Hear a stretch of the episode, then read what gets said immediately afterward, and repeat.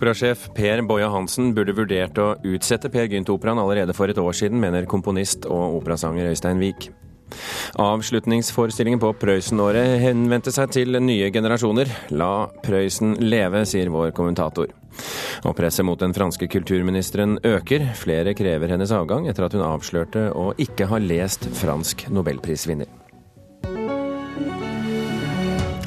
Per Boje Hansen har tatt plass her i studio for å kommentere kritikken i dag. Kulturnytt får du med Birger Kolsrud Jåsund i studio. Operasjef Per Boje Hansen må selv ta ansvaret for problemene i forkant av den store eh, prestisjetunge urpremieren av Per Gynt på lørdag. Det mener tenor og forfatter Øystein Wiik. Han syns det er på sin plass at publikum får vite at produksjonen har vært preget av eh, forsinkelser i siste omgang så er det jo sangerne som står der enten med æren eller skammen.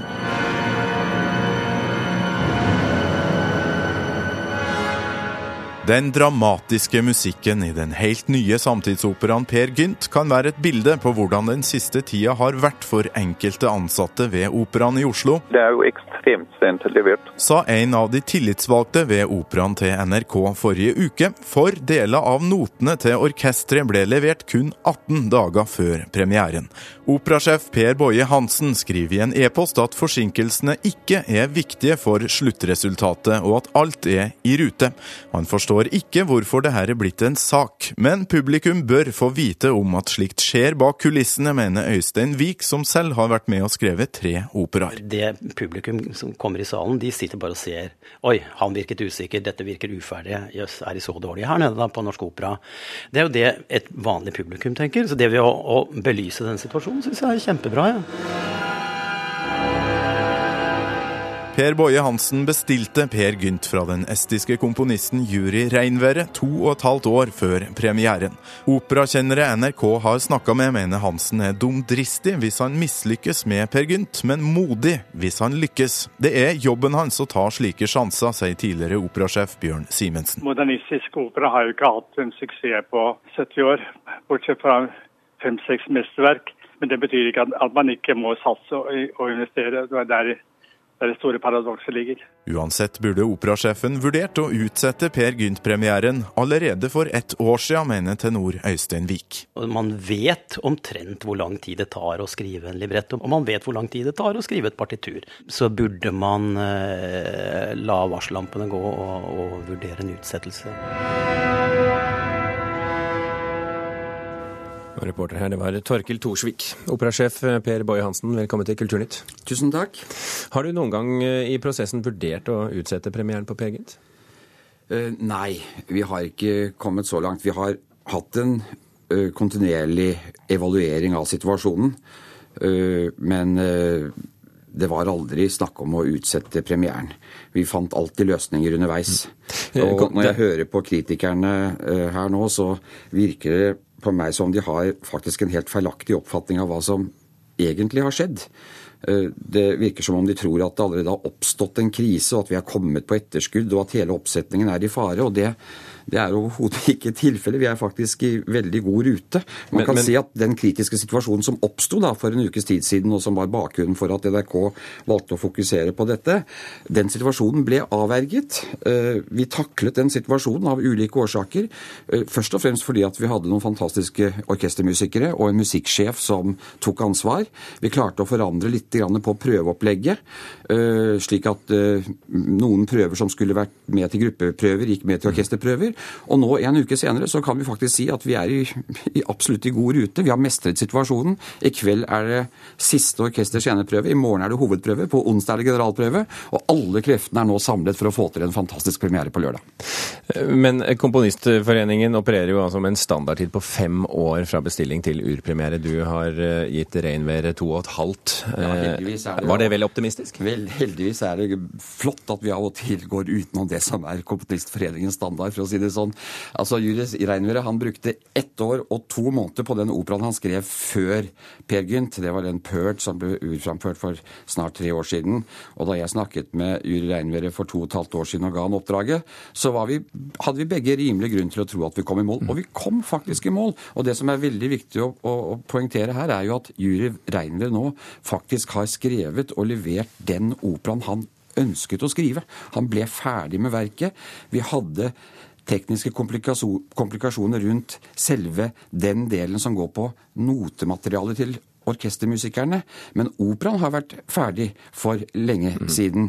Så det er ikke slik at vi, har, vi nå liksom er i en situasjon hvor vi rasker sammen det vi har og forsøker å bli ferdig. Nei, vi er i god rute. Vi har hatt kontroll underveis. Det har oppstått kritiske situasjoner, og de er veldig glad for at vi har klart å mestre. Når det er sagt, så, så er eh, premieren vel ikke helt utsolgt uh, ennå. Uh, nå var det faktisk Det så ikke det på nettsiden. Vi sjekket det for en halvtime siden. 18 ledige billetter er det, så hvis dere skal okay, skaffe dere hvis dere skal okay, skaffe dere en ledig billett, så må ja. dere skynde dere. Forestillingen 2.1 ble avlyst. Kino-, TV- og DVD-prosjektet lagt på is fordi dere ikke fikk ekstern finansiering. Det var ikke bare denne lille krisen for en uke siden? Nei, men altså reportasjen som uh, binder disse tre tingene sammen, uh, det det er faktisk tre ting som, har, som, ikke har noe med hverandre å gjøre. For å ta det med TV-overføringen først. Vi hadde ambisjoner om å få til en TV-overføring. Tidligere så har det jo vært slik at NRK har produsert og stått bak en rekke store ø, ø, produksjoner på operaen.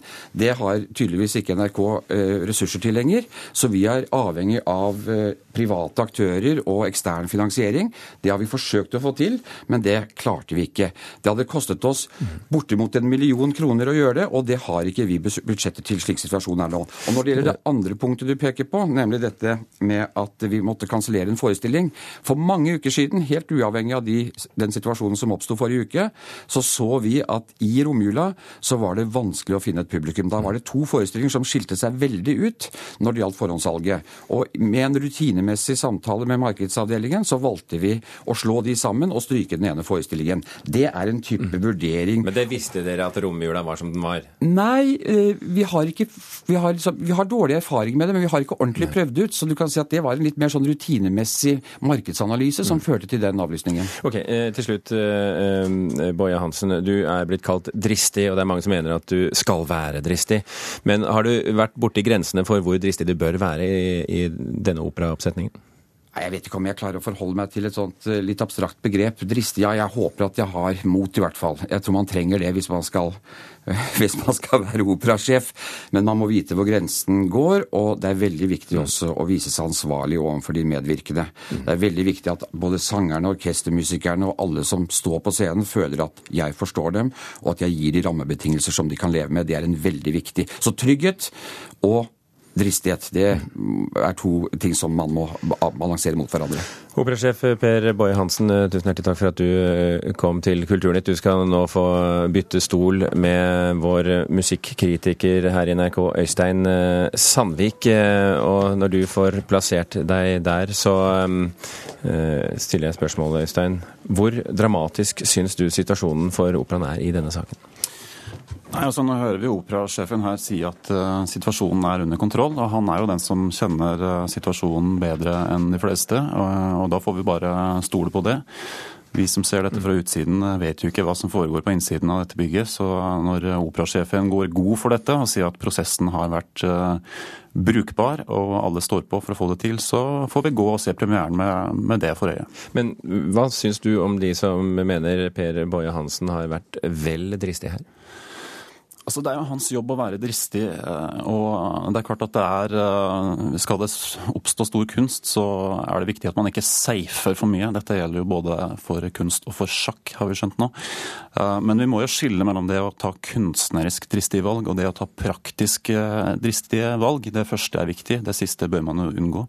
Så hvis man skal ta dristige kunstneriske valg, så er det viktig å legge opp til en god prosess. Men nå hører vi sjefen sier her at prosessen har vært god, så da får vi ta det for god fisk inntil videre, men svaret får vi jo på lørdag. Ja, Hva forventer du å, å se på operascenen på lørdag? Jeg forventer å se en, en, opera i et variert tonespråk som gjør noe interessant med Ibsen. Eh, men nå må vi jo huske også at uh, dette verket skal jo ha et liv også etter etter premieren. Altså, Operahistorien er full av verker som har hatt en litt haltende premiere, men som har kommet sterkt tilbake senere. Og Det er ikke oftere at uh, samtidsopera blir uh, suksess, men uh, det kan ta litt tid, og vi må se det litt i det perspektivet. Ta f.eks. Ligetis Le Grand Macabre, som operaen har satt opp med stor suksess nylig. altså En nyere. Nyere klassiker. Det verket ble jo revidert etter, etter, premieren, så vi må se det et litt større perspektiv.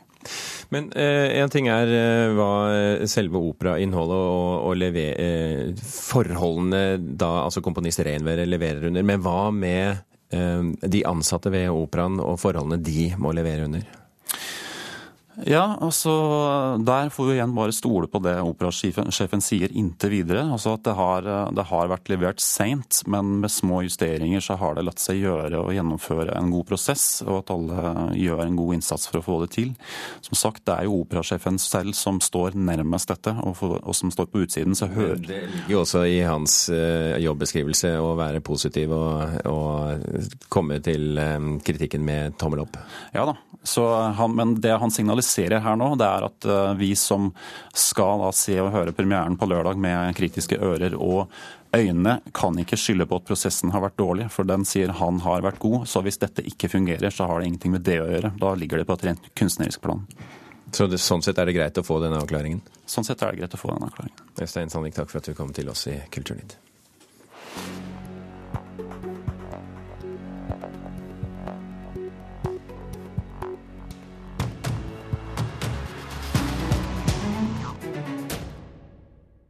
En 90 år gammel, 34 kvadratmeter stor bymodell av Oslo har vært gjenstand for stor oppmerksomhet her i hovedstaden. Det har kokt på de sosiale mediene, og unge som gamle har strømmet til Arkitekturmuseet og sørget for at Nasjonalmuseets nye permanente arkitekturutstilling Byggekunst har gode besøkstall å vise til nå i høst. Mona Palle Bjerke, kunstkritiker her i NRK. Hva er det som gjør denne modellen eh, så interessant for folk? Nei, Jeg tror jo vi blir interessert i eh, hvordan ting så ut før. I og med at vi ser at byen rundt oss forvandles så radikalt som Oslo gjør nå for tiden. Vi ser nye kulturbygg reise seg, nye bydeler oppstå. Og da, da ser vi jo bakover og lurer på hvordan var det en gang. Og denne modellen den var jo designet av uh, den visjonære byplanleggeren Harald Hals i 23, 1923. Og han var jo da uh, boligdirektør. Og når han da ble byplanlegger byplansjef. Senere så tok han med seg denne modellen inn i det konkrete byplanleggingsarbeidet som et levende, reviderbart eh, verktøy. Og den ble også videreutviklet eh, frem til 1940. Eh, så det er det som er spennende med denne modellen, er jo at den både viser byen slik den en gang var, og konkrete planer man hadde, men også Halls egne drømmer om hvordan Oslo kunne vært. Han har f.eks. tatt bort hele bebyggelsen på Grünerløkka, erstattet med en rasjonell lamellbebyggelse, altså helt ensartede bygninger i, eh, etter hverandre.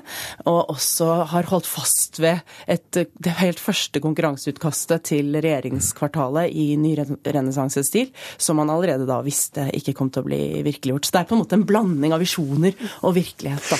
Men, men um, dette er jo selvfølgelig interessant for folk i Oslo, men det er jo byer rundt omkring i hele landet som, som uh, endres mer i moderne retning i, i disse dager dager. Og er denne modellen også interessant for andre enn osloboere? Ja, for dette viser jo veldig altså For dette var jo forvandlingen fra det rigide gamle Kristiania til et mer moderne, dynamisk Oslo. Og Dette er jo interessant fordi det viser også byplanleggingsidealer da, på 1930-tallet, som alle som er interessert i arkitektur, sikkert er interessert i. Da. Men også kanskje en modell for eh, mange som ønsker byen slik den en gang var, altså for kanskje 80-90 år siden? Ja, det skal nok spørs.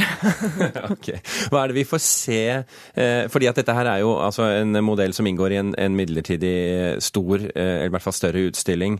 Ehm, hva er det vi får se i eh, utstillingen som sådan? Ja, Dette er en midlertidig del av en permanent utstilling. Og det, det vi får se i utstillingen, er jo glimt inn i den rike, mangfoldige samlingen av arkitektur i Nasjonalmuseet. Så det her får vi se både bygninger som jo er blitt en del av vår hverdagsvirkelighet, som Kunstnernes hus eller eller eh, regjeringskvartalet eller Ingjerdstrand bad, altså, som er virkeliggjort, men også eh, byggverk som aldri ble virkeliggjort, som Arne Korsmos utkast til ny design for Tostrup-gården på Karl Johan. Og er, Der kan vi studere da, en modell i pleksiglass og metall og tre som viser da dette høyhuset han foreslår, som består av elegante, loddrette linjer brutt av vannrette blå bånd. Og dette spillet mellom vertikaler og horisontaler skaper en nesten vektløs og dynamisk bygning. Da. Dette er jo en eh, utstilling som har fått mye omtale, men også veldig mye kritikk, eh, fordi den ikke er eh, representativ for norsk arkitekturhistorie. Er det et, en god innvending, syns du? Nei, jeg syns ikke det er noe problem, og det er jo ikke det de prøver i det hele tatt med denne utstillingen. I den veldig fleksible utstillingsarkitekturen som de har skapt, der du kan trekke ut skuffer med tegninger eller skyvedører hvor tegningene er montert. Der viser de liksom at det du gjør er å bla i historielagene, og at de nettopp vil bryte med en sånn lineær uh, fremstilling. Da. Så de vil jo vise oss mye mer arkitekturprosessen. Uh, veien fra en skapende formtanke til et funksjonelt bygg ute i virkeligheten. Og det er også byggeklosser og tegnesaker, slik at vi kan gå inn i formgiverens rolle. Så jeg syns dette er en veldig flott uh, utstilling. Mona Palle Bjerke, takk for at du kom til oss i dag. Klokken er snart 19 minutter over åtte. Du hører på Kulturnytt, og dette er toppsakene i Dagsnytt nå. Norske leger jobber ofte lenger enn den avtalte maksimaltiden på 19 timer i strekk. Galskap, mener Pasientforeningen. Det er dagen derpå for sykehuset i Kristiansand. Flere avdelinger må tørkes opp etter at store vannmengder rant inn i går. Og utenlandske lastebilsjåfører trenger eget glattkjøringskurs. Det mener samferdselsminister Kjetil Solvik-Olsen. I går kveld ble Prøysenåret rundet av med en festforestilling i Det Norske Teatret i Oslo, som du også kunne se på her i NRK. Og da kunne du sett, eller hørt, blant annet dette. Ved døra sto en bortglemt gutt. Jeg ville ikke sjå på han. Hadde meg en dram til trøst i all sin ensomhet. Han ville engasjere men så torde han det itte, og han tok og kamme håret sitt. Men ei gu om en gret. Så gikk jeg sakte hemover. Han nådde meg på vegen, og vi gikk som vi var bærføtte mot livets hemmelighet. Vi leides gjennom skauen med to like redde hender. Vi sa ikke et kløyva ord, men gud om vi gret. Kulturkommentator Agnes Moxnes, var dette en eh, festforestilling verdig Prøysen? Ja, det vil jeg absolutt eh, si det var. Og det var nok et av eh, flere høydepunkter da Terje Strømdal sang trassvisa henner, henner Tora i, i, går. Eh, det var vel en måte å behandle eh, det som etter hvert er blitt et faktum for mange, at Alf Prøysen hadde en dragning både mot menn og kvinner. Og det ble altså da vist gjennom den forestillingen i går. Du sa, du sa til meg du sa til meg her i, stad at, at, eh, det nærmest liksom gjorde det ferdig, det spørsmålet? Ja, tenkte, altså, det har jo vært mye sensasjon rundt akkurat det spørsmålet. Nå er det løftet opp, vist frem, nå er vi ferdig med det. Da vet vi det. Så da er det lagt eh, ikke, Det er lagt dødt på et vis, at det skal være sensasjonelt. Nå er det en del av, av eh, Prøysen. Og, og, det var fint plassert i forestillingen i går. Mm, og det var en bra forestilling? Ja, eh, Eh, det var absolutt det. Og det, eh, altså det man hadde lagt vekt på i forestillingen i, i går, det var jo at man skulle um, ha frem en altså de unge, veldig mange unge Prøysen-tolkere som skulle ta med seg Prøysen inn i, i framtida, altså inn i neste år. Um, man hadde hentet frem tekster som for mange kanskje var ukjente, og tekster som viser en mørkere side av Alf Prøysen enn det man er kanskje vant til å høre.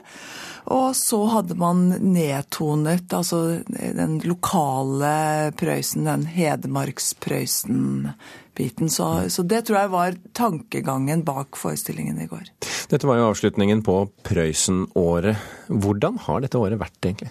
Det var jo et år som startet med å avdekke eh, en for mange av oss iallfall eh, overraskende innsikt i hvor mange som ikke lenger vet hvem Alf Prøysen er, og hvor mange som ikke hadde peiling på at det var han som hadde laget julekveldsvisa og alle disse sangene som, som, han, som eh, de fleste i dette landet har et godt kjennskap til. Sånn at Alf Prøysen var, var vel rett og slett en innsikt i at, at han begynte å bli, bli glemt. Og, og, og, gå ut på dato. Og det faktum tror jeg veldig mange ildsjeler har tatt tak i. Jobba hardt det året som har gått nå. Og kommer vel også til å, å, å ha fått liksom den energien som skal til for at de skal jobbe videre med det, det i vekker, årene fremover. Hm? Det var en vekker, rett og slett? Ja, og det er nok det, det tror jeg er kanskje det viktigste med dette året. En, at det har vært en vekker. Mm. Har dette året klart å gjøre Prøysen relevant for nye generasjoner, tror du? Det er, og det, jo, det er jo der liksom lakmustesten eh, viser seg om det, om det, er slik det har, har blitt.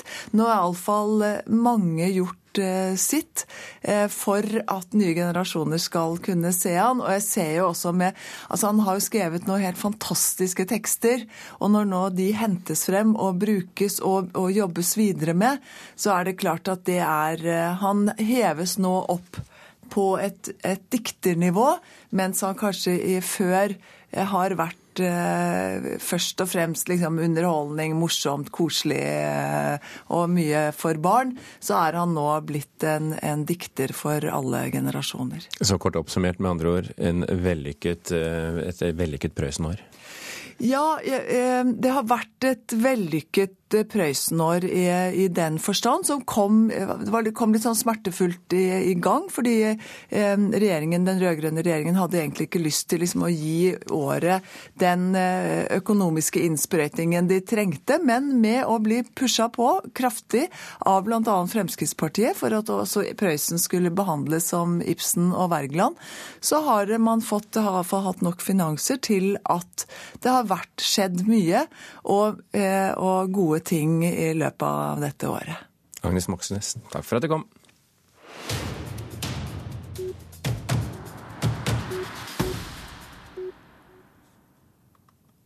Hver fjerde nordmann bruker Netflix ukentlig. Dermed har den amerikanske strømmetjenesten like mange seere som NRKs nett-TV.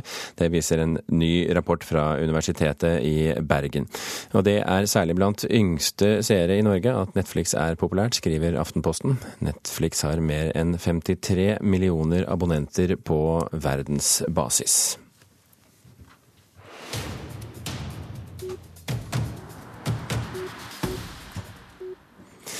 Det har stormet rundt den eh, franske kulturministeren etter at hun i oktober innrømmet at hun eh, ikke hadde lest årets nobelprisvinner i litteratur, franske Patrick Modiano.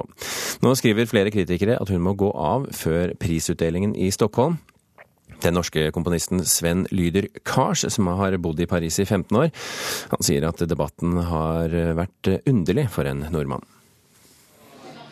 Ja, det stemmer. Hun er utsatt. hun har blitt beskyldt for ikke å være litterær nok, følge meg nok i tiden når det gjelder hva som skjer i kultur. Og spesielt gjaldt med utdelingen av nobelprisen til Modiano, som hun da tydeligvis ikke hadde lest. Det var en skam. Det er egentlig litt uvant for oss nordmenn. Altså Hvis en norsk politiker ikke hadde lest uh, topplitterære verk, så ingen reagerte i det hele tatt.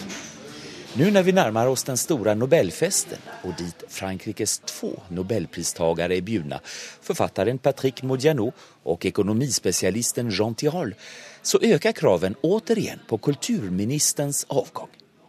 Vi ska väl i Frankrike, som är ett av Europas absolut största kulturländer, inte behöva skämmas internationellt för vår kulturminister som aldrig läst vår gigant Modiano. Derfor måtte hun avgå innan Nobelfesten, krever man på fransk public service-radio. Kjente debattøren Claude Askolovic skrev her om dagen fordømmende at ministerens okunnskap om Modiano gjør honom full av skrekk for det beslut hun kan tvinges ta innom kultursektoren. Ja, kritiken har vært rungende hård enda siden skandalen startet i slutet av oktober. Det var som gäst i tv-programmet Le Supplement som kulturminister Fleur Pellerin fikk frågan vilken av nobelpristagaren Modianos bøker hun tyckte best om. Hun svarade ærlig. jag erkänner, utan att skämmas, att jag inte har läst något av honom. J'avoue, sans, sans aucun problème, que je n'ai pas du tout le temps de lire depuis deux ans. C'est vrai Ouais, c'est vrai. Et Mais c'est un je, je lisais problème. pourtant beaucoup. Programledaren, smått chockad av det ærlige svaret, utbrast Men det er jo et problem. I Paris bokhandlare diskuteras också skandalen.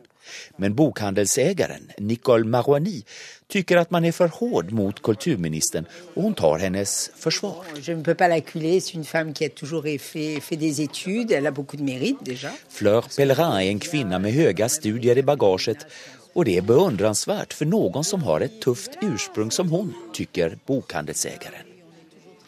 Fleur Pellerin som föddes 1973 heter egentligen Kim Jong-Suk. Hon föddes i Sydkorea men övergavs som baby. I ung ålder adopterades hon av franska föräldrar och fick därmed ett nytt namn. Hon har studerat vid flera franska elitskolor och startade tidigt med politik. Hon har höga ambitioner och är alltså Frankrikes kulturminister nu, men har råkat i blåsväder. Norske kompositøren Sven Lyder Kars har studert på prestigefyllda musikkskolen Irkam i Paris og han følger ofte med passion med i det franske kulturlivet siden de 15 år han bott i Paris. Jeg spør ham kommer nu Fleur Pellerin å tvinges avgå innan Nobelfesten i Stockholm?